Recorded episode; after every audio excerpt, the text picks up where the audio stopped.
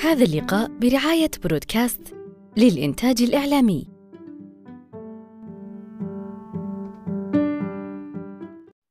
أيها الأخوة الكرام، أيتها الأخوات الفاضلات، أهلا وسهلا ومرحبا بكم في فضاء صالون ضاد الثقافي.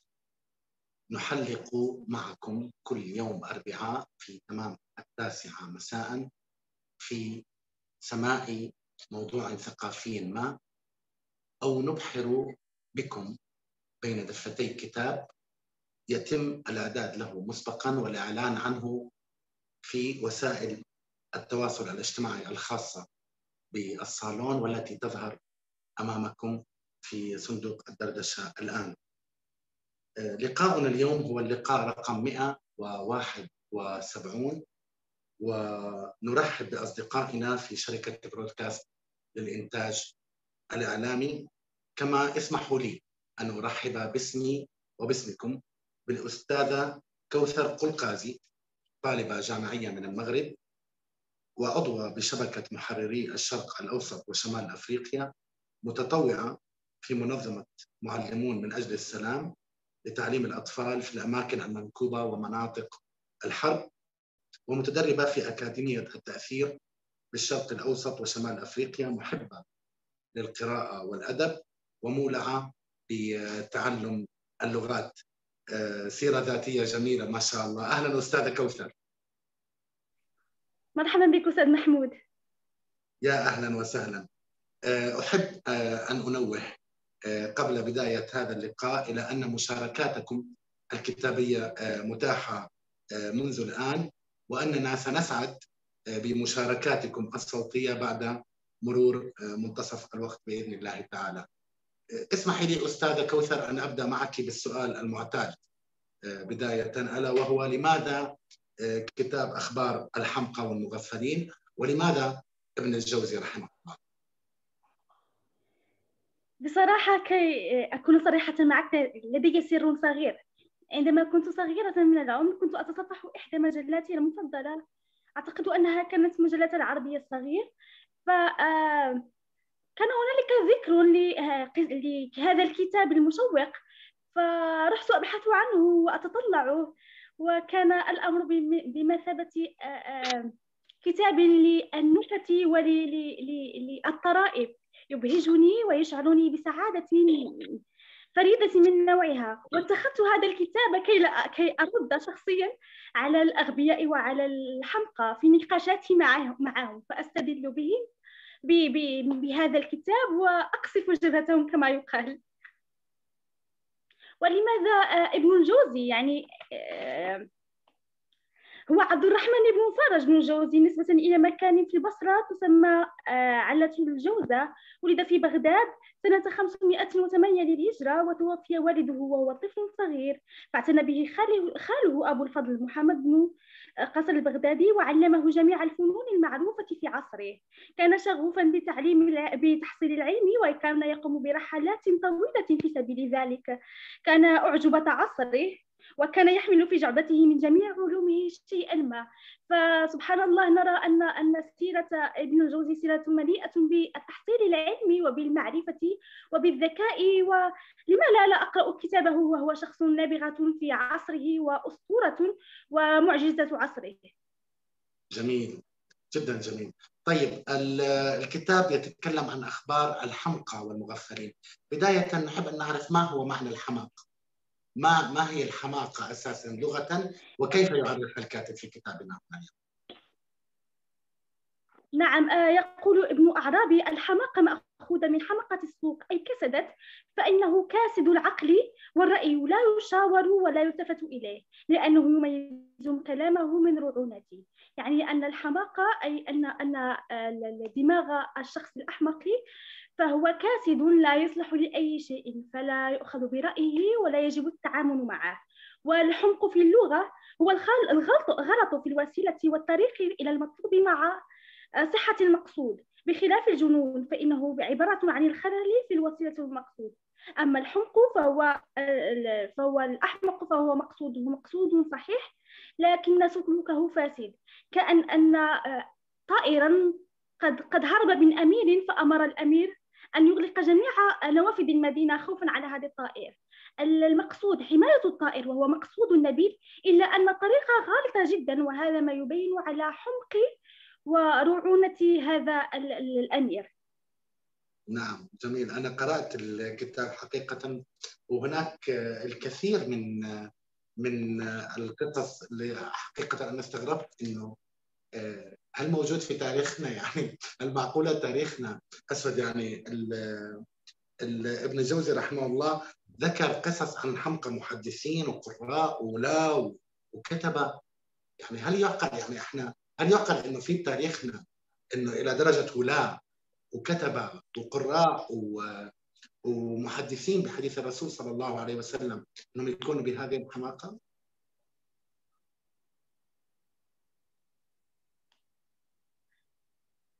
أعتذر محم... أستاذ محمود آه، هناك مشكلة في صلب الإنترنت إن كان ممكن أن تعيد السؤال سؤالي كان أنا قرأت الكتاب حقيقة والكتاب مليء بقصص الحمقى آه، إلى درجة أنه ابن الجوزي رحمه الله ذكر أحاديث عن حمقى من مغف... من أمراء وولاة. و...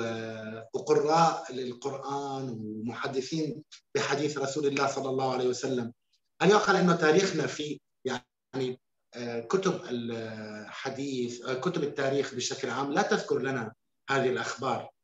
لا يوجد عندنا في كتب التاريخ أخبار إنه تذكر إنه كان هناك لدينا ولاة حمقى.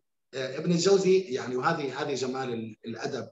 لما الإنسان يقرأ بالأدب في غير تخصص التاريخ على سبيل المثال يجد إنه في أمور بالأدب لم تذكر في كتب التاريخ. توافقيني على هذا الكلام؟ يعني هذه هذه هذه الأخبار كلها ما هي موجودة بتاريخ نعم تفضلي.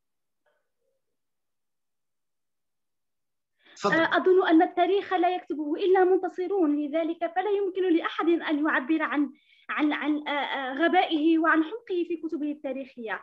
لذا جاء ابن الجوزي وسافر وارتحل من مكان إلى آخر. جمع شتات أخبار الحمقى والمغفلين وعرضهم علينا في كتابه هذا. جميل جدا جميل. طيب آه، أستاذة كوثر ابن الأحمق آه، ابن عفوا ابن الجوزي في أحد فصول الكتاب ذكر آه، صفات الأحمق الجسدية. يعني ذكر نعم. الأحمق بصراحة لدي نعم تفضلي. لا لا أثمن أثمن. هناك مشكلة في صبغة الإنترنت لكن أثمن. نعم. هو ذكر من صفات الأحمق الخلقية يعني على خلقته التي خلق الله سبحانه وتعالى عليها فيها. يعني ذكر مثلا الطويل البائن عادة ما يكون أحمق. ذكر آه، صاحب الذقن الطويلة صاحب الرأس الصغير. ما رأيك أنت بهذه النقطة بالذات؟ بصراحة لدي رأيان رأي مع ورأي ضد. وهي ممكن أرى أن أن تنطبق هذه الصفات على شخص أحمق لكنها ليست القاعدة آه، على الكل. فممكن أننا إن طبقت هذا هذه الصفات أحمقا يمكن أن نعته بالأحمق. لكن يمكننا أن نرى شخصا طلق لحيته وجعلها طويلة جدا لكنه ليس أحمقا. آه، على باسم ما قال ابن الجوزي الذي قال أن اللحية ترتبط بالعقل فإن طالت اللحية قسوى العقل. لكن نجد في زمننا هذا أناسا طالت لحيتهم لكن عقلهم سليم وفطنون وأذكياء بشكل لا يصدق. إذا فلا أظن أن هذا الأمر صحيح بالمئة ولا أظنه خاطئ بالمئة. الأمر كذلك ينطبق على المحققين الذين يعني آه، يستطيعون اكتشاف المجرم من هيئته وسنحته لذلك فمن الممكن جدا أن, نشك بأحدهم أنه أحمق انطلاقا من هيئته وسنحته إضافة إلى أن هناك نقطة آه، أريد أن أشير لها هي أن شاشات الإعلام وشاشات التلفزيون والسينما دائما ما تصور لنا الأحمق بهيئة واحدة أنف طويل لحية طويلة رأس صغير يعني مواصفات تنطبق على جميع الحلقة في جميع القصص وجميع الأفلام ف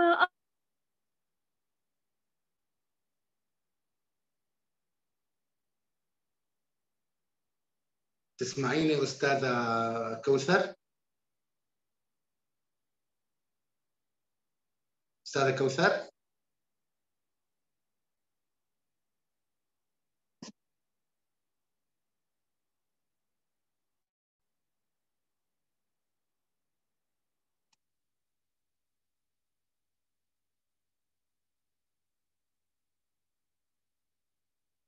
أستاذة كوثر.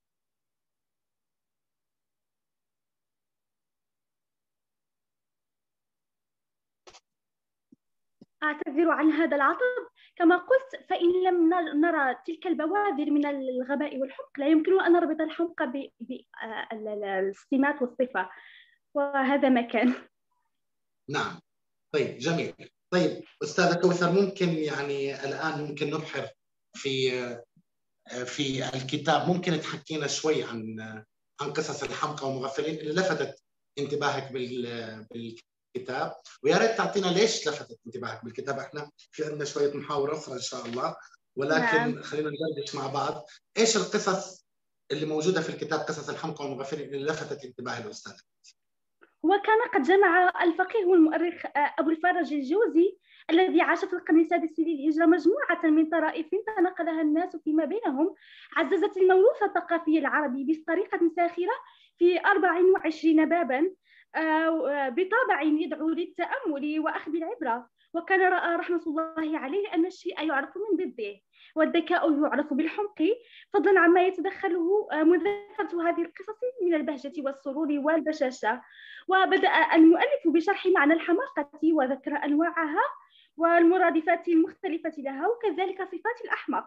منطلقا من مقدمات إلى تحليق مشوق مع من ضرب بهم العرب بهم المثالة مثل المثل في الحمق وريهم هم رجال ونساء حمقى أصليين وعقلاء راقتهم الحماقة فتحولوا إليها ولم يهتموا بموقعهم العلمي أو السياسي فكان منهم الرواة والمحدثون وكان منهم أيضا الولاة والأمراء والمغفلون بل القضاة والكتاب والشعراء أيضا. ولم يقتصر مفهوم الغباء والحمق على الكائن الإنساني فقط بل هناك نباتات وحيوانات اتخذت الحمق والغباء كذلك نمطا لها. ومن هنالك عبارتان آه، اقتباسان بالأحرى آه، أحببتهما من الكتاب. قال بعض الناس المملوك اخرج وانظر هل السماء مصحية أو مغيمة. فخرج ثم عاد فقال والله ما تركني المطر أن أنظر هل هي مغيمة أم لا. يعني أن الناس أحدهم سأل عبده أو سأل خادمه لينظر إلى السماء هل هناك بها سحب أم هي صاحية؟ فذهب ورأى أنها تمطر بغزارة وعادت ثم قال آه والله ما تركني آه هذا العبد أو هذا الخادم لما رأى أن السماء تمطر بغزارة آه من الحمق ومن الغباء أنه ظن أنه لا يستطيع معرفة السماء بها غيوم أم هي صافية. على الرغم أن المطر يدل على أن السماء مغيمة وهي تحتوي على غيوم كثيرة وملبدة.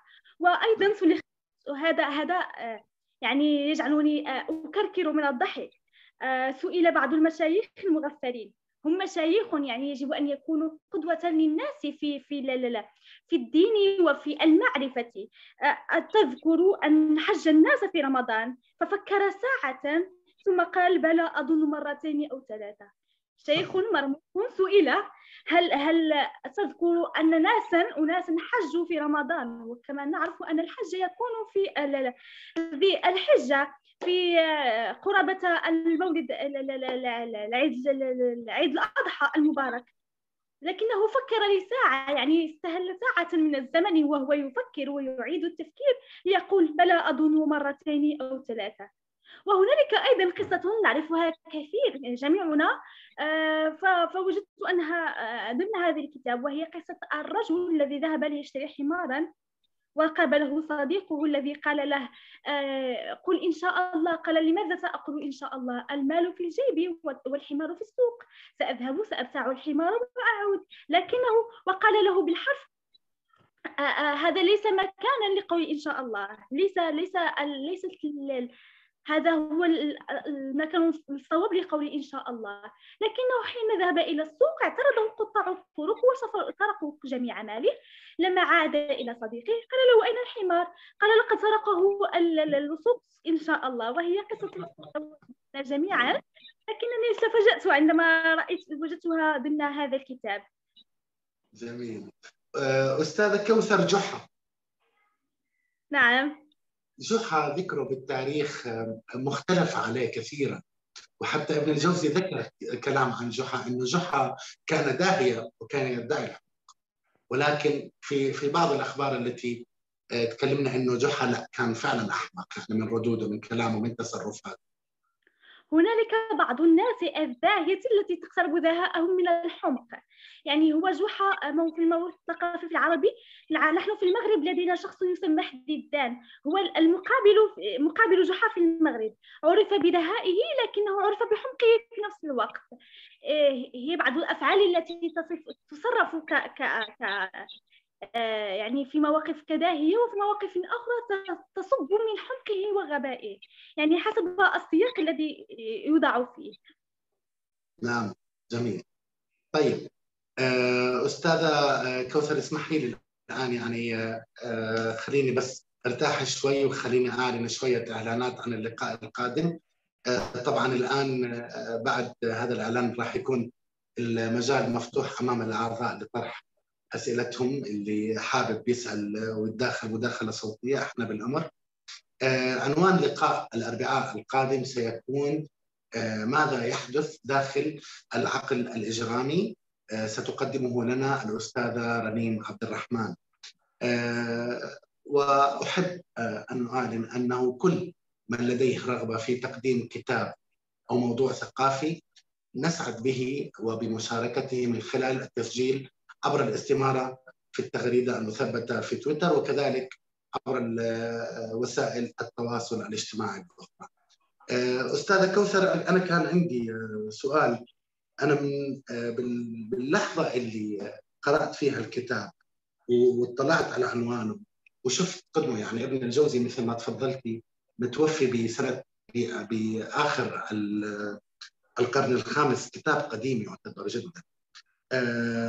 لماذا نقرأ القديم استاذه كوثر؟ يعني ألا يوجد اليوم في الكتب اللي موجودة بيناتنا اليوم ما غنى عن الكتب القديمة هذه، وهل هذه الكتب القديمة وخاصة كتب من أمثال كتاب أخبار الحمقى والمغفلين، هل هو إضافة يعتبر لنا؟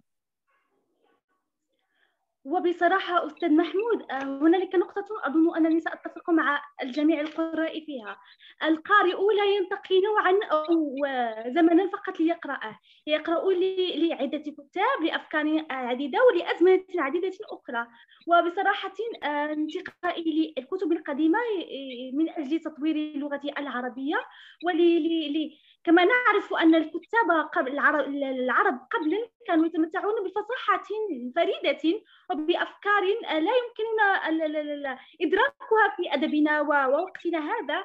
فسيكون من حمقي ومن الغباء لنا وستدرج أسماؤنا أيضا في الكتاب إن لم نقرأ لكتاب آخرين أو أو لم نون, نون يعني نوزع قراءتنا على كتاب وعلى أزمنة كثيرة. ولدينا هنالك في المغرب مثل يقول الجديد من جدة والبالي لا تفرط فيه. يعني الجديد يبقى جديدا لكن القديم لا يجب التفريط فيه أو, أو الاستغناء عنه. فالكتب داخلة بمصطلحات إيش المثل إيش المثل المغربي؟ نعم؟ ما هو المثل المغربي؟ الجديد من جدة. أيوه. جديد من جدة. والقديم والقديم ما تفرط فيه لا تفرط فيه. جميل جديد جميل. والقديم لا تفرط فيه. ومعناه ومعناه ومعناه إنه يعني نأخذ الجديد ولكن القديم لا, لا زال ابدا في نعم لا نفرط ابدا في القديم. يعني يجب علينا التنوع في في في انتقاء الكتب وفي في في قراءاتنا وفي أفكارنا كي نعزز ثقافتنا ونعزز أيضا رصيدنا اللغوي وكما لا يخفى علينا فالكتاب العرب آه، في في زمانا كانوا لديهم آه، يعني لغة عربية متبعة بالمفردات وبالأساليب اللغوية الرائعة التي لا نجدها في كتاباتنا وفي آه، آه، في أدبنا الحالي هذا. يا سلام جميل. طيب في عندنا مداخلة من الأستاذة رائدة. تفضلي أستاذة رائدة. مساء الخير يعطيكم ألف عافية وسعيدة جدا بهذا اللقاء. آه، شكرا للأستاذ كوثر وعلى لغتها الجميلة وشكرا لك أستاذ محمود وشكرا لصالون ضاد.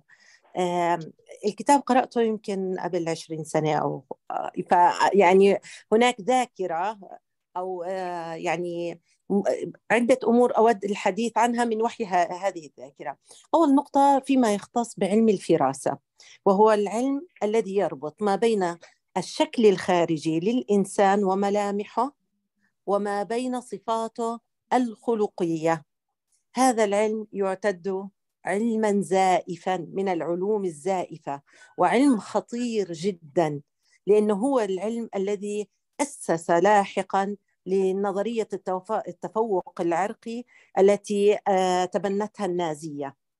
فمن يتبنون رسم أو ربط ما بين هيئة الإنسان وشكله شكل الجمجمة شكل الأنف شكل آه، الفم أو الشفاه وما بين صفات الإنسان من حمق أو ذكاء ففي ذلك يعني تجاوز كبير جدا لأن الله عندما خلقنا يعني لم يوزع أخلاقنا وهي شيء يرجع إلى الإنسان آه، بشيء يعني هو يعني نحن نفقد الإرادة آه، أو القدرة على التحكم فيه هيئتنا نحن لا نتحكم بها. وهذه النظرية نظرية الفراسة آه، أدت إلى في علم الإنثروبيولوجيا إلى النظرة الدونية أيضا لبعض الشعوب. الشعوب البدائية أو الشعوب التي تعيش في الأدغال ربطت بأن من لها فك عريض هو يشبه الحيوان فهي شعوب آه، ما دون إنسانية. فيعني حتى العلماء القدماء آه، هم لم يخلوا أو لم تخلو مؤلفاتهم من آه، بعض الكوارث الفكرية كهذه الفكرة. فيعني إن حدث وتشابه الأمر صفة مع شكل فهو من باب يعني الصدفة لا أكثر. أما أن نقول أنه كل طويل غبي أو كل قصير ماكر فهذا في الأمر تجاوز كبير. بالنسبة للنقطة الثانية اللي هي تخص بالمؤلفات العربية. المؤلفات العربية أو التأليف في كتب التراث كان موسوعيا ويشمل جميع الموضوعات وهذه نقطة مهمة جدا أن نلتفت إليها. مثلا كتاب المستطرف في كل فن مستظرف كتاب تراثي مشهور وكبير جدا ويعني أو يعني هو حصيله قصص من كتب التراث تم جمعها تتناول النوادر. آه، كتاب البخلاء للجاحظ أيضا هو كتاب يتناول فئات. آه، مثلا كتاب الجوزي يتناول الحمقى. الجاحظ يتناول البخلاء. إذا هذه الكتب تمثل نقدا اجتماعيا لفئات محددة كان يضعها الكاتب تحت مشرة التشريح. طيب هلأ في نقطة آه، أخرى أود الإشارة إليها. فيما يخص الحمق أعتقد أن الحمق هو ظاهرة آه، اجتماعية بالدرجة الأولى وثقافية تختلف تعريفه من مجتمع لآخر ومن عصر لآخر. لنضرب مثلا مثلا على بساطته لبس الجينز الممزق يعد الآن موضة.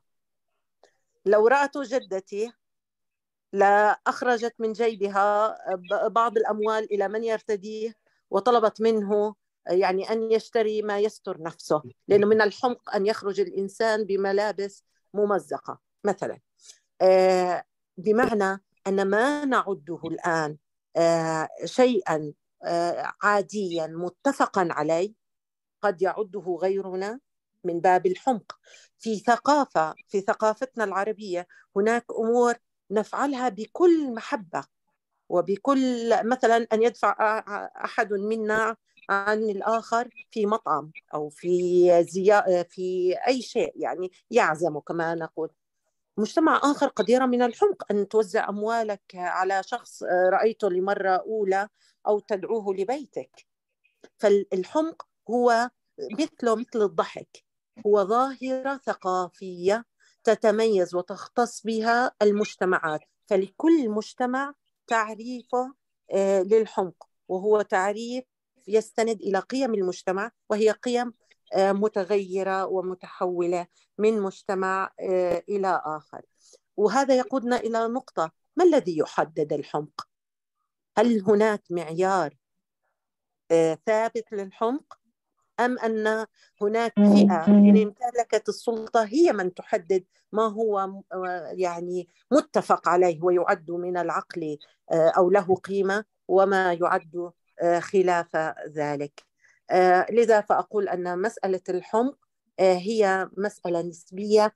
الأمر الأخير وأعتذر عن الإطالة الحمق أعتقد لا ينبع من الغباء أحيانا بل هو وجه لتحدي سلطة المجتمع كما كان يفعل جحا. مثلا آه، الحمق عندما تجاهل فلان آه، أو أعطى رد غير متوقع كأنه يريد أن يقول لك انتبه أنا لم أسر كما يسير هذا المجتمع وأسمعك ما تريد. فالحمق في أحد أوجهه قد يكون طريقة للتعبير عما يخاف ما يخاف الآخرون الحديث عنه بشكل واضح ومباشر.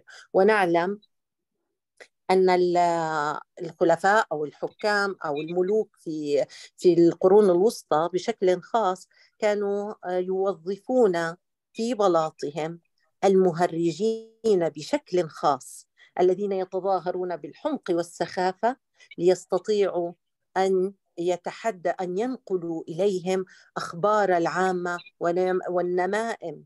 التي آه، يعني تحاك وتقال عن الحكام ويخشى الناس قولها بوجوه الحكام مباشرة. فيأتي ذاك الشخص الذي يتظاهر بالحمق ويقولها بكل صراحة متعذرا بأنه قد رفع الله عنه القلم فإنه أحمق.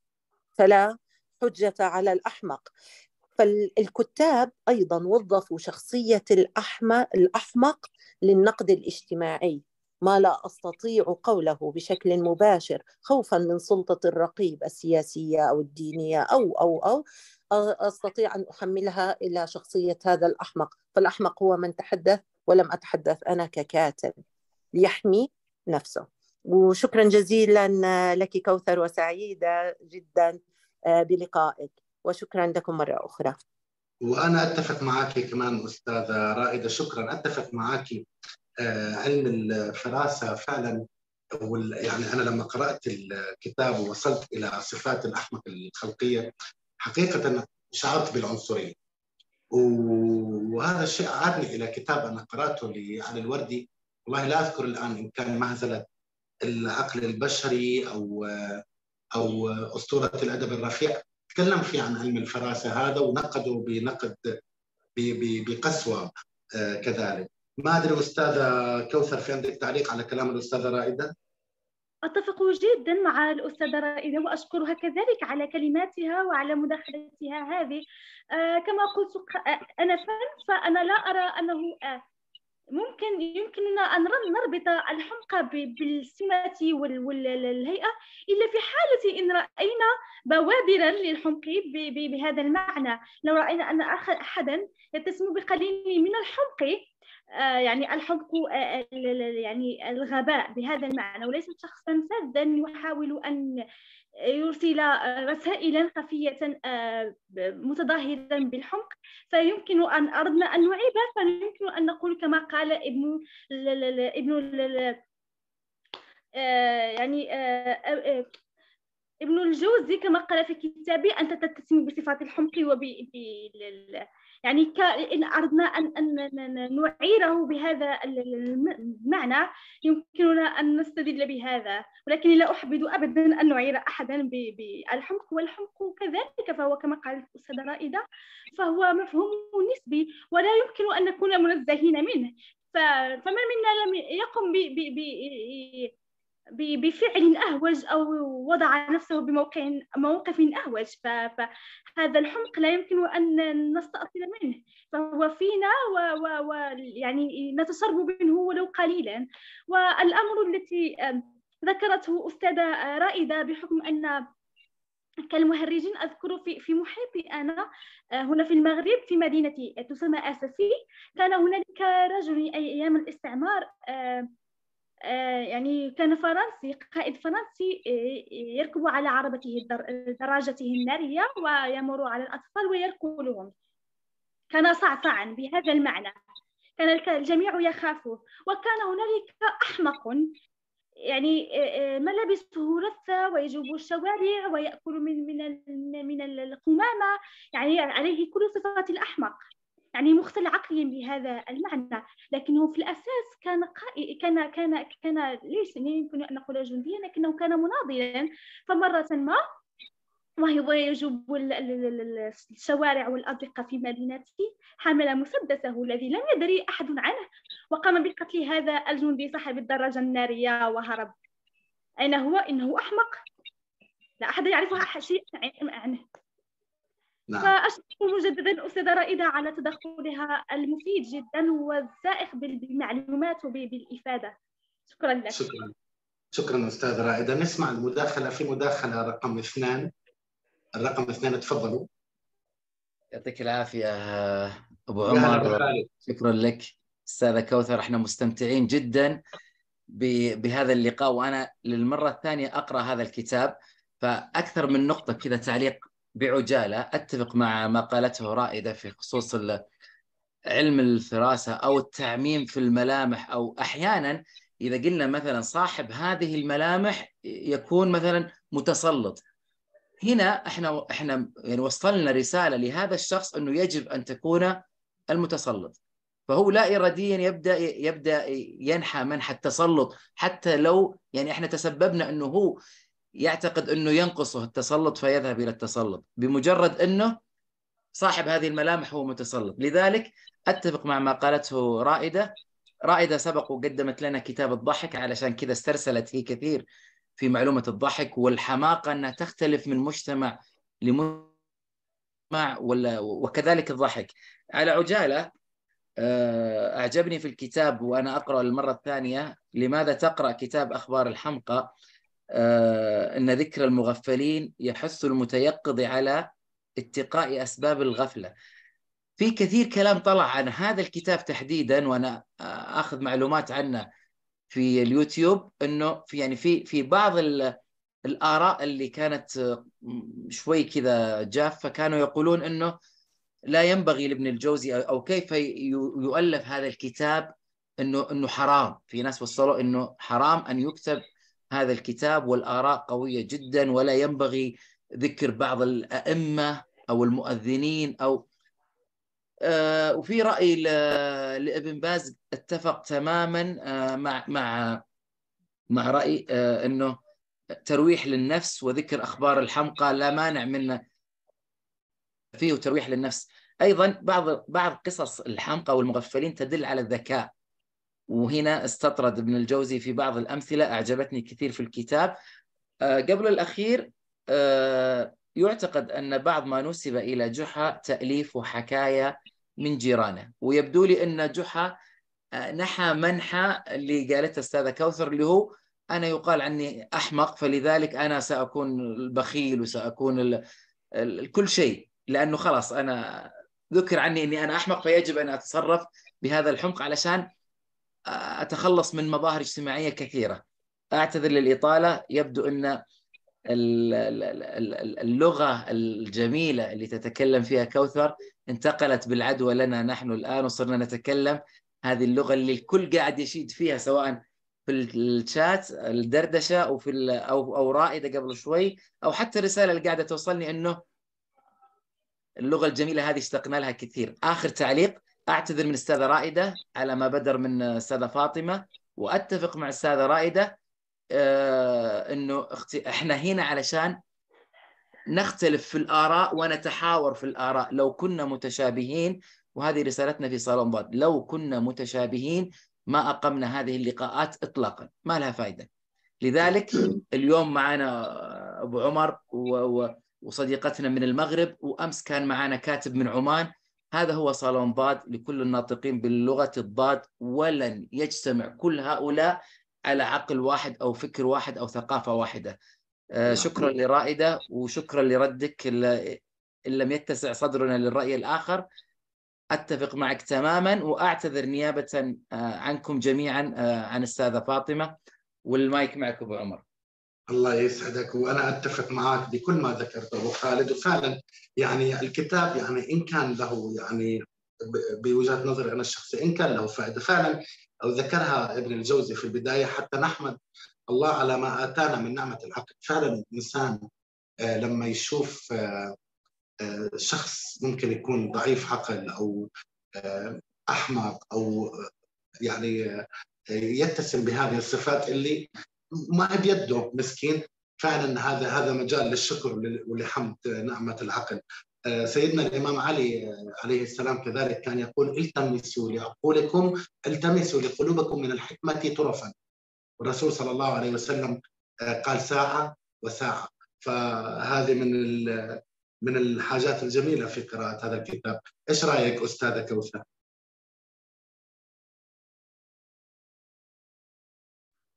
نعم آه، أستاذ محمود أتفق معكم في جميع ما قلتموه آه، وأستاذ رائدة الاختلاف في الود لا يفسد الاختلاف في الرأي لا يفسد لود قضية أبدا.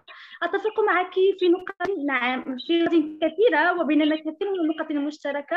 كما آه، قلت أستاذ محمود فقراءة فقراءتنا لمثل هذه الكتب لا تضفي ولا يعني فائدة تذكر غير أنها تشعر تشعرنا بنوع من ال من من البشاشة ومن ال يعني كيف كيف ما يعني عند قراءة هذه النوع من الكتب فهي تدخلنا إلى أنفسنا نوعا من السرور ونوعا من الفرحة وتجعلنا يعني نبحث في قرارات نفسنا هل هنالك مواقف جعلتنا ننزلق في هذا الحمق ويعني لو أن ابن الجوزي كان حاضرا في وقتنا هذا هل كان سيدرج أسماءنا في هذا الكتاب أم لا؟ يا سلام جميل جدا طيب نسمع مداخلة في الرقم المكتوب عند رقم اثنين. وبعدين نسمع مداخلة الأستاذ أحمد. إيه، ألو؟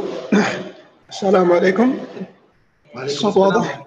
أهلا وسهلا. آه، أعتذر منكم إنه عندي التهاب في الحلق فيمكن صوتي ما يكون مرة واضح. سلامة آه أنا الله يسعدكم يا رب. فأنا لأني عندي مشكلة في الزوم فما دخلت من بداية اللقاء لكن عندي استفسار آه حول هذا الكتاب واختلافه عن كتاب كليله ودمنة. آه كليله ودمنه طبعا يتكلم عن الحيوانات فهل هذا الكتاب يتحدث عن مواقف حقيقية لأشخاص يعني صارت في مثلا العهد العباسي العهد الأموي ولا هي شخصيات من الخيال؟ الأمر الآخر هل الكتاب يتحدث فقط عن شخصيات معروفة مثل الجاحظ جحا أم هناك أشخاص إحنا ما نعرفهم وما يعني كانوا أشخاص معروفين وهل هؤلاء الأشخاص يعني أنا أقدر أقول مثلا فئة منبوذة في المجتمع يعني مثلا أعطيكم مثال شخصية الأحدب وقصته المعروفة كان إنسان يعني الكل يتجاهل والكل آه، ينبذ وهل هؤلاء الشخصيات الموجودة في الكتاب هل هم شخصيات يعني محببة من المجتمع أم الكل كان بيتنفر منه؟ وشكرا جزيلا لكم. تفضلي أستاذة كوثر. آه، مرحبا أستاذ أحمد وشكرا لك على مداخلتك هذه وعلى كلماتك هذه. آه، أسأل الله أن يرزقك العافية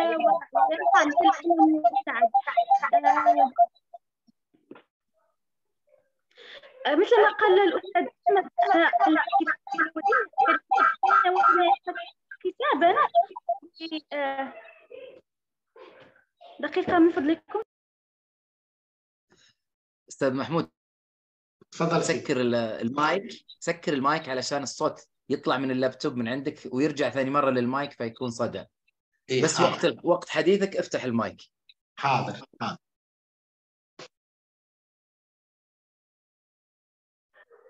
تفضلي أستاذة كوثر تفضلي. أعتذر. آه كما قلت كلوادنا يبقى كتابا لمناقشة السياسة بشكل أصح مثل كتاب هو شبيه بكتاب مزرعة الحيوانات لكاتب جورج أويل. آه يحكي قصصا على لسان يعني لسان الحيوانات وهو في الأصل يحاول أن يعني أن يوصل رسائلا آه، مبهمة عن الحكام وعن السياسة. لهذا اغتيل أو كما يقال قتل ما اسمه؟ آه، المترجم. ما كان اسمه لقد نسيته. مترجم كتاب كليل ودمنة. كتبه الحاكم بيدبة وترجمه ابن المقفع. نعم ابن المقفع أعتذر. نعم أما كتاب الأخبار الحمقى والمغفلين فهو إلى تجميع تجميع لبعض نوادر العرب حول مواقف للأغبياء التي نتداولها في في في موروثهم الثقافي. منهم أشخاص معروفون ومنهم أشخاص مبهمون. لكن هذا لا يدل أن كل القصص حقيقية ولا يدل على صحه صحتها. وكما أيضا لا يدل لا يدل على أنهم كانوا اشخاصا منبوذين. يعني هنا في المغرب أعود مرة أخرى وأستدل من واقعي في المغرب. هنالك وزير قديم كان يدعى آه، حسن سعيد الجماني. وروي عنه الكثير الكثير من النكت ومن النوادر الذي لم يقم أي بأي واحد منها. لم يكن منها موقف حقيقي واحد لكنه روي عنه الكثير العديد العديد المئات من النوادر التي لم تصدر عنه. فمن الممكن أن تكون قصص حقيقية ومن الممكن أيضا أن تكون هنالك قصص غير حقيقية في الكتاب.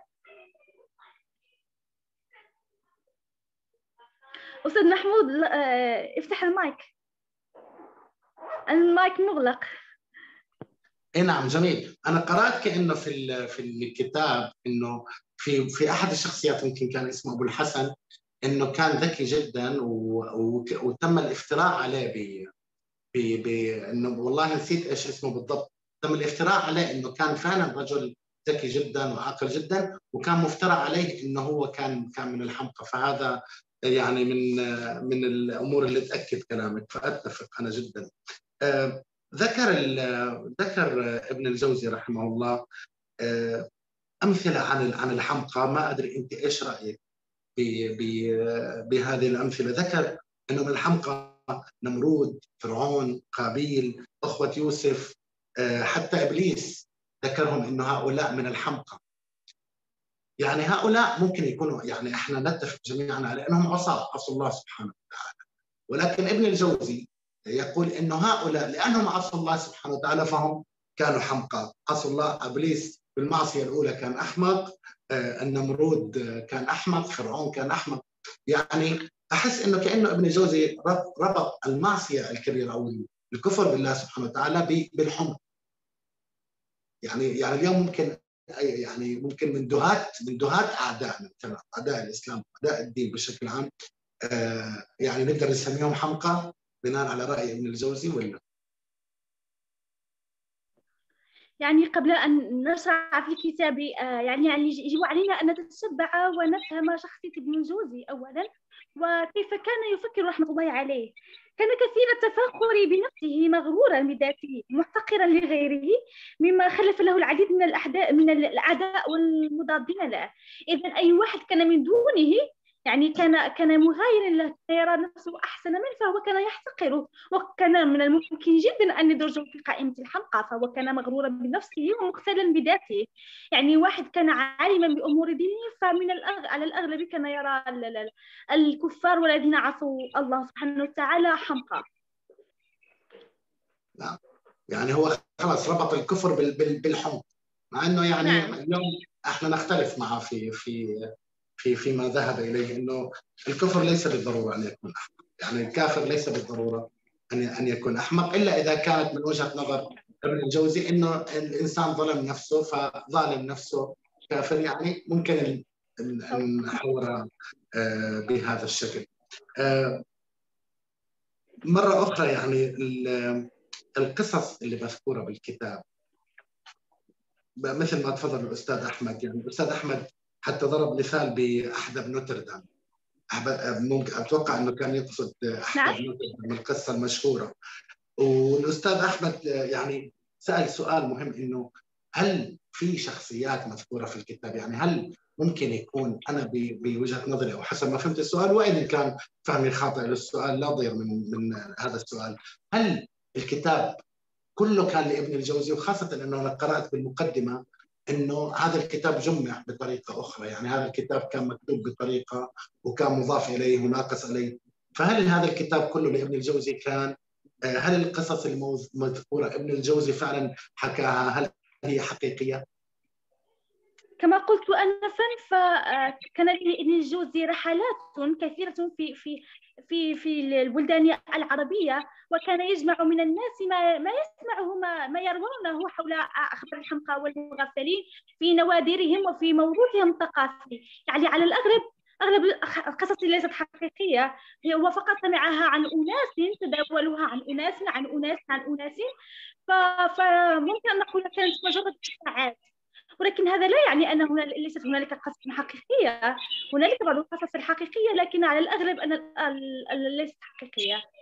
أرجو أن تكون قد أن تكون الفكرة واضحة. جميل جدا جميلة جدا إجابتك و... وإحنا جدا سعداء بوجودك معنا اليوم أستاذة كوثر بهذه اللهجة المغاربية الجميلة اللي افتقدناها كثير مثل ما تفضل أبو خالد. إيش ممكن يعني بما يعني على عجاله اهتمامك بالكتب القديمة هذه. إيش في كتب قديمة آه، تنصح فيها الأستاذة كوثر من من من من هذه ال من هذه الفترة الزمنية يعني. يعني أول ما أنصح به هو كليل ودمنه قراته لما كنت في الثاني عشر من عمري. كان آه، يعني كتاب إنه كتاب زاخر بالمعلومات وبالأفكار وبالمصطلحات الرائعة ويمكن الاستدلال به والاقتباس منه عند بعض المواقف. وهنالك أيضا كتب ابن الجوزي وهنالك يعني هنالك الكثير من الكتب. هو في الأصل آه، آه، لا يمكنني أن أحدد آه، أي كتب يمكن للشخص أن يقرأ. ويعني القراءه تبقى شغفا. وكل شخص يلقى شغفه في نوع من الكتب. لكن هذا لا يعني أنه لا يجب أن يطلع على كتب أخرى لكن تبقى شغفا ويبقى لكل واحد ذوقه الخاص. جميل. أبو خالد تفضل سيدنا. أهلين هلا وسهلا أبو عمر. أنا كنت حاب أسأل بما أنه كتابنا اليوم آه، من كتب التراث اللي أنا صراحة قليل القراءة في هذا المجال أنه آه، أنت أبو عمر أو أستاذة كوثر أو حتى الحضور الجميل اللي معنا إذا في كتب فعلا ينصح فيها يعني كتب تناسب هذا الوقت يعني آه، فيه مثلا بعض الكتب خلونا يعني شوي نتفق عليها. أنا بالنسبة لي إنه في كتب آه، قديمة جدا من التراث لكن مو رأيي أنا بس إن الرأي هذا أقنعني إنها غير مناسبة لوقتنا الحالي. آه، مثلا مقدمة ابن خلدون فهل بالضرورة أي كتاب قديم ينفع لهذا الزمان لوقتنا الحاضر؟ بعض القصص اللي اللي موجودة هنا في أخبار الحمقى فعلا آه، بعضها يعني أنا أشعر إنها فعلا مضحكة وبعضها لا عادية جدا. فالسؤال بشكل عام آه، وشايف ما شاء الله نزار رحاب بداخل وأستاذة رائدة كمان والموجه أيضا لضيفتنا الكريمة أستاذة كوثر. هل كتب التراث آه، تناسب هذا الوقت ينصح بها أم لا؟ أنها انتفت الحاجة لأنها غير صالحة لهذا الزمان. الأستاذ محمود عنده مشكلة في رفع اليد ما يشوف ال ما يظهر لطالب المداخلات لذلك اسمح لي أقوم بدورك أبو عمر. آه، نسمع رأي نزار وبعدين أستاذة رائدة ونرجع للأستاذة كوثر. مساء الخير. يا مساء الورد. الله يعطيكم العافية. شكرا أستاذ محمود. هلا أستاذ كوثر. تعرف انت يعني خصوصا يعني الثقافة المغاربية أو الاسهام المغاربي الكبير خصوصا بتنمية تنمية الفكر الناقد وتسخيره بمجالات عدة. يعني مشكلة الكتب القديمة وبخاصه يعني أخبار المغفلين والحمقى أو الكتب التي جمعت في النصف الثاني للعهد العباسي. يعني هذه المشكلة الكبيرة التي واجهت آه، يعني اللي اللي واجهت الثقافة العربية ككل. كون الأقلام اللي كتبت هاي هاي هذه هذه هذه الأفكار أو أو جمعت هذه الأخبار غير نقية بالمطلق يعني. هاي هاي مشكلة كبيرة في في ذلك العصر. بالإضافة إنه كل قديم هو جديد في عصره يعني. يعني لا نستطيع أن نقول بأن آه، ابن الجوزي كان محقا يعني بمعنى مجازي نستطيع أن نقول بأنه محق في مكان ومخطئ في المكان الآخر. لأن لا نستطيع أن نطبق نظريات القرن العشرين مثلا على عام 540 الذي كتب فيه ابن الجوزي. آه، في أخبار كثيرة مثل البهلول. بهلول هذه الشخصية المختلف عليها. وقيل بأنها شخصية مخترقة. اخترقها الخلفاء العباسيين نوع من العسس يعني نوع من مراقبة الشارع بإطلاق النكاس وامتصاص غضب الشارع إضافة إلى التقاط الأخبار من هنا ومن هناك. آه، كان هناك أخبار كثيرة يعني مثل الهجائين. آه، يعني كانوا كانت تطلق نوع من النكات يعني. وهبان اللي هو كان شاعر يقول سألت وهبان عنه فقال بيض محول ابن المعذل من هو ومن هو ابن المعذل. سألت وهبان عنه فقال بيض محول. يعني كانت اللهجة العامية الدارجة نوعا ما قد تستعمل في مثل هذه الكتب لكن لا نستطيع أن نحاكمها بالمطلق. بالنسبة للسؤال اللي طرحه أبو خالد خلينا آخذ دور الأخت كوثر لدقيقة واحدة. الكتب القديمة بالعكس يعني هي ينبوع متفجر من اللغة السليمة التي يعتد بها كثيرا في إنجاز الأبحاث الحديثة. كونه نحن حاليا قد أدخلت مثل ما يقول اللغة الفصيحة البيضاء التي تكتب بها الأعمال الأدبية ويعتريها الكثير من الخطأ. يعني في مرحلة الدكتوراه المشرف قال لي إن أتيت لي بكتاب قديم يتحدث عن مصطلح جديد تكون قد حققت إنجازا كبيرا. يعني الدمج ما بين العراقة والباسها ثوب الحداثة. هذا مصطلح كبير جدا. نشكر الأخت كوثر حقيقة وهو اللقاء الأول الذي نستمر يعني نأمل ان ان تتلوها لقاءات ب يعني بهذا الإرث المغاربي الكبير جدا. يعني القادم من حضارة الأندلس وحضارة أجدادنا الفاتحين. في تلك المنطقة. شكرا لكم وسعيدين حقيقة بهذا اللقاء الماتع شكرا شكرا أبو ميرا. نسمع مداخلة الأستاذ رايده ونرجع لك أستاذة كوثر. تفضل أستاذ رايده مرحبا مرة ثانية. بالنسبة لهل تستحق الكتب القديمة قراءتها؟ لدينا في تراثنا العربي أهم كتاب في العالم في الأدب. وأقول ذلك ليس بشهادتي كعربية وإنما بشهادة الغربي قبل العربي. كتاب ألف ليلة وليلة. لا أكاد أقرأ كتابا في النقد الأدبي لمؤلفين من الغرب قبل الشرق إلا وذكروا أن من لم يقرأ ألف ليلة وليلة فهناك نقص كبير في ثقافته الأدبية. يعني يعد كتاب ألف ليلة وليلة ينبوع لدراء للأدب وللخيال. فمثلا آه، كتاب ألف ليلة وليلة هو من أهم الكتب التي يجب أن نقرأها لما يحتويه من آه، تمازج حضاري وثقافي يأخذه الدارسون أيضا كوثيقة لدراسة المجتمع العربي القديم. تمازجه دراسة البعد الأسطوري في المجتمع النظام السياسي في المجتمع آه، حتى أنواع الأكل والشراب يدرسونها من خلال القصص التي وردت في كتاب ألف ليلة وليلة. عدا عن قيمته الأدبية آه، ككتاب آه، متعة وخيال. بالنسبة لكتب التراث هناك نقطة أود الإشارة إليها. هناك كتب تسمى الكتب الوسيطة أي التي تستفيد من كتب التراث ولكن تطرحها بشكل مختصرات آه، آه، بأسلوب آه، بسيط أو أسلوب سهل يناسب عصرنا. مثلا من قام بذلك؟ لدينا الكاتب المصري المبدع اسمحوا لي يعني أن أضفي صفة له محمد المنسي قنديل. كتابه شخصيات من الأغاني. اعتمد على كتاب الأغاني لأبي فرج الأصفهاني. كتاب الأغاني لأبي فرج الأصفهاني يعني يتكون من عدة أجزاء فيما أذكر كأنه 19 جزء يعني كتاب موسوعي ضخم. لكن انتقى محمد المنسي قنديل منه أهم الشخصيات ووضعها في كتاب هذا الكتاب جميل جدا جدا جدا. آه، شخصيات من آه، ما قبل آه، بعثة الرسول عليه الصلاة والسلام شخصيات من العصر الأموي من العصر العباسي من العصر المملوكي. آه، يعني كتاب موسوعي. آه، أيضا له كتاب آخر يسمى ثلاثون حكاية لحظة تاريخ. لحظة تاريخ. من أراد يعني أن يطل على الكتب التراثية يمكنه أن يقرأ يعني من كتب محمد المنسي قنديل يعني كنافذة. من كتب التراثية الجميلة التي أيضا أنصح بالاطلاع عليها هو كتاب ضخم يعني آه، كأنه 11 كتاب آه، اللي هو كتاب العقد الفريد لابن عبد ربه الأندلسي. وفي عندنا كتاب آه، الغصن الرطيب في ذكر الأندلس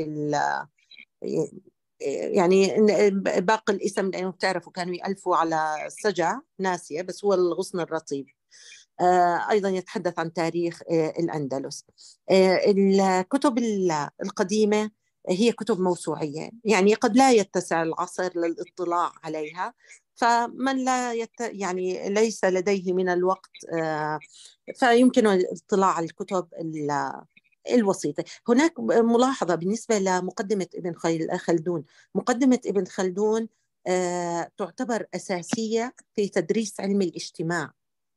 فصحيح أنها ألفت آه، قبل قرون لكن هي يعني آه، أساسية ووضع نظريات أساسية نظرية العصبية القبلية ونظرية أنه الظلم مؤذن بخراب المدن إلى آخره.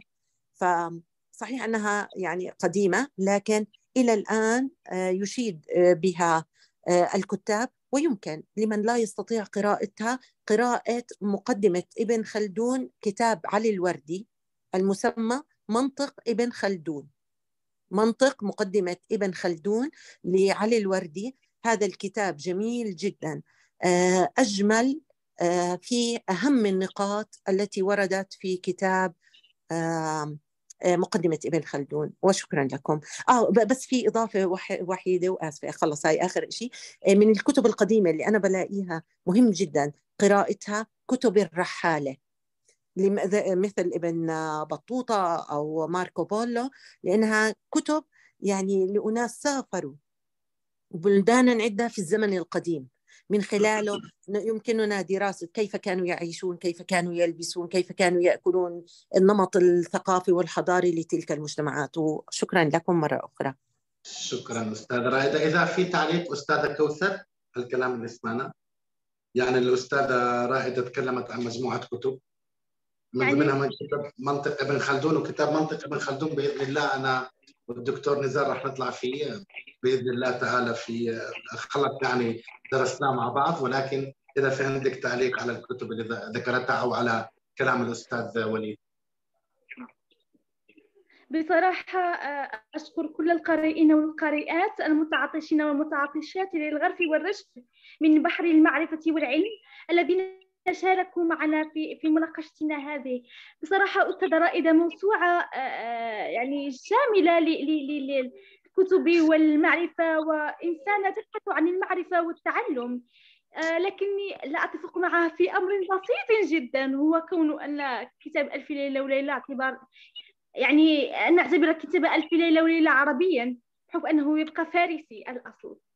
هذا ما ما ما يعني ما أختلف معه. ممكن أن يكون لدي رأي خاطئ وممكن أن يكون لدي صائب لكن هذه هي النقطة التي لا أتفق مع أستاذة رائدة فيها. على الإجمال أتفق معها في كل ما قالت.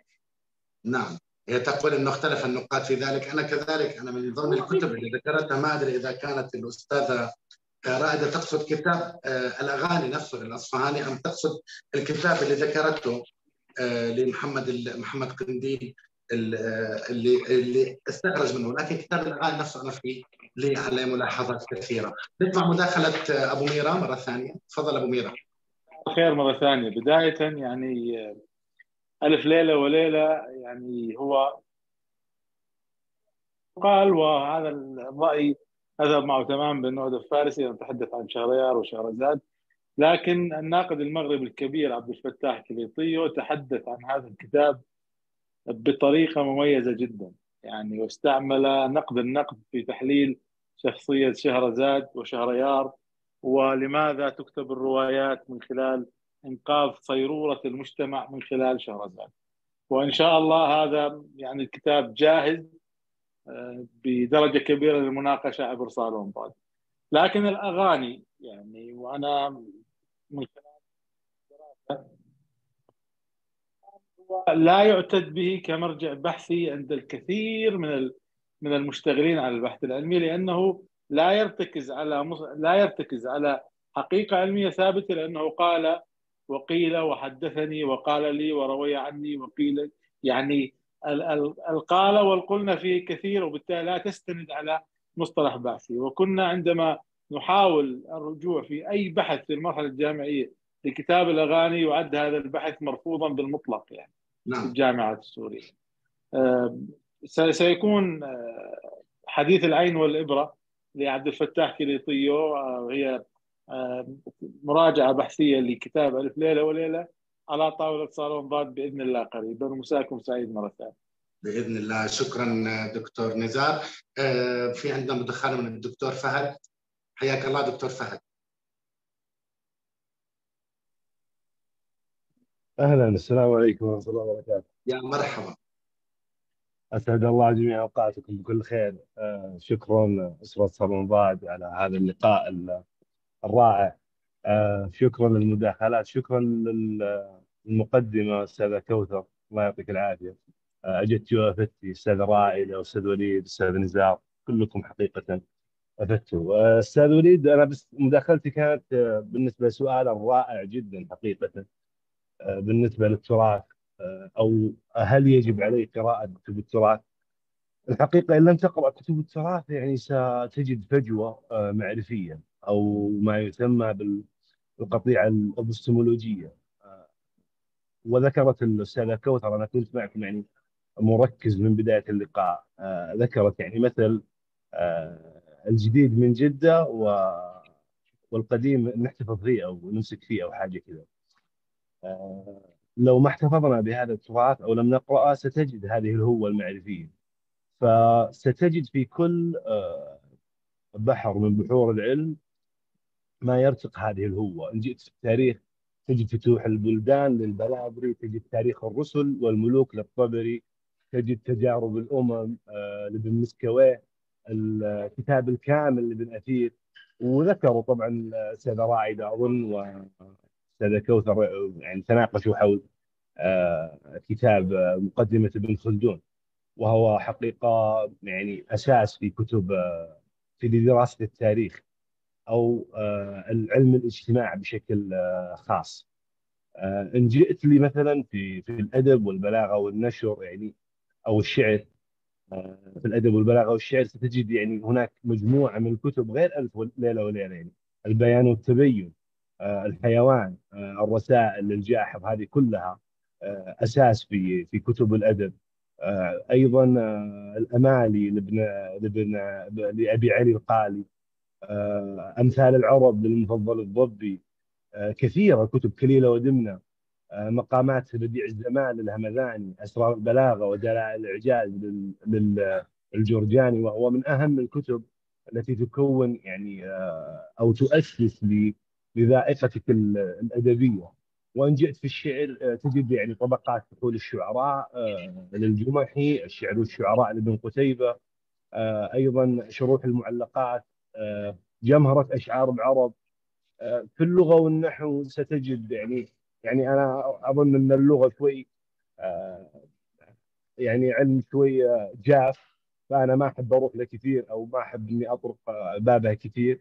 لكن كثير الكتب اللي في اللغة لابد أن تقرأها لكي تفهم مثلا في اللسانيات الحديثة أو في تحليل الخطاب. لابد أن تقرأ في التراث أن تكون لديك أسس معرفية تراثية لكي تفهم أو تستشرف كتب الكتب الحديثة أو في التي كتبت كتبت في في العصر الحديث. آه الله يعطيكم العافية. كان لقاء ماتعا حقيقة. آه كما هي العادة يعني في صالون آه إن شاء الله نلتقيكم إن شاء الله على خير ومستمع ومستمتع معاكم. الله يعطيك العافية أستاذ حسين على إدارة اللقاء. إدارة حقيقة احترافية. الله يا رب يعطيك العافية. شكرا. أشكرك أستاذ أشكرك دكتورنا الغالي. الله يكرمك يا رب. أستاذة كوثر إذا في عندك أي تعليق على كلام الدكتور؟ وبصراحة أظن أن الكتب القديمة هي عبارة عن موروثنا وبصمتنا الثقافية فإن تخلينا عن بعضها أو تخلينا عن قراءتها, قراءتها سنفقد شيئا من هويتنا و, و, و وثقافتنا كمسلمين أو كعرب أو يعني كأناس. والثقافة هي التي تستطيع أن تحدد وجودنا داخل المجتمع الإنساني. فأنا أظن والله أعلم أنه من الجيد ومن الأفضل والأصح لنا هو التشبت بالكتب القديمة وبها نتشبت بتراثنا وبهويتنا العربية. وشكرا. جميل جدا. جميل جدا آه، هذا اللقاء الجميل اللي أثرتنا فيه آه، أستاذة كوثر واللي أثرونا فيه الأخوان. ومثل ما تفضل الأستاذ وليد فعلا آه، صالون ضاد جامع للوطن العربي من المحيط إلى الخليج. وإحنا آه، طبعا هذا اللقاء الأول معك. جدا سعيدين فيكي نتمنى إنه لا يكون اللقاء الأخير وننتظرك في لقاءات أخرى وتثرينا بمواضيع أخرى من كتب سواء كانت قديمة أو جديدة. إن شاء الله. أرجو من الله أن أكون خفيفة عليكم وأن تستمعوا تستمتعوا برفقتي آه، قليلا في هذا اللقاء. نشكرك شكرا أستاذة كوثر أهلا وسهلا فيكي شكرا لكم أنتم جميعا أعضاء آه، صالون ضاد آه، نأمل أن نلقاكم آه، قريبا. بإذن الله تعالى لقاءنا القادم يوم الأربعاء بانتظاركم. سهرة كانت جميلة جدا برفقة الأستاذة كوثر. أهلا وسهلا فيكم جميعا تصبحون على خير.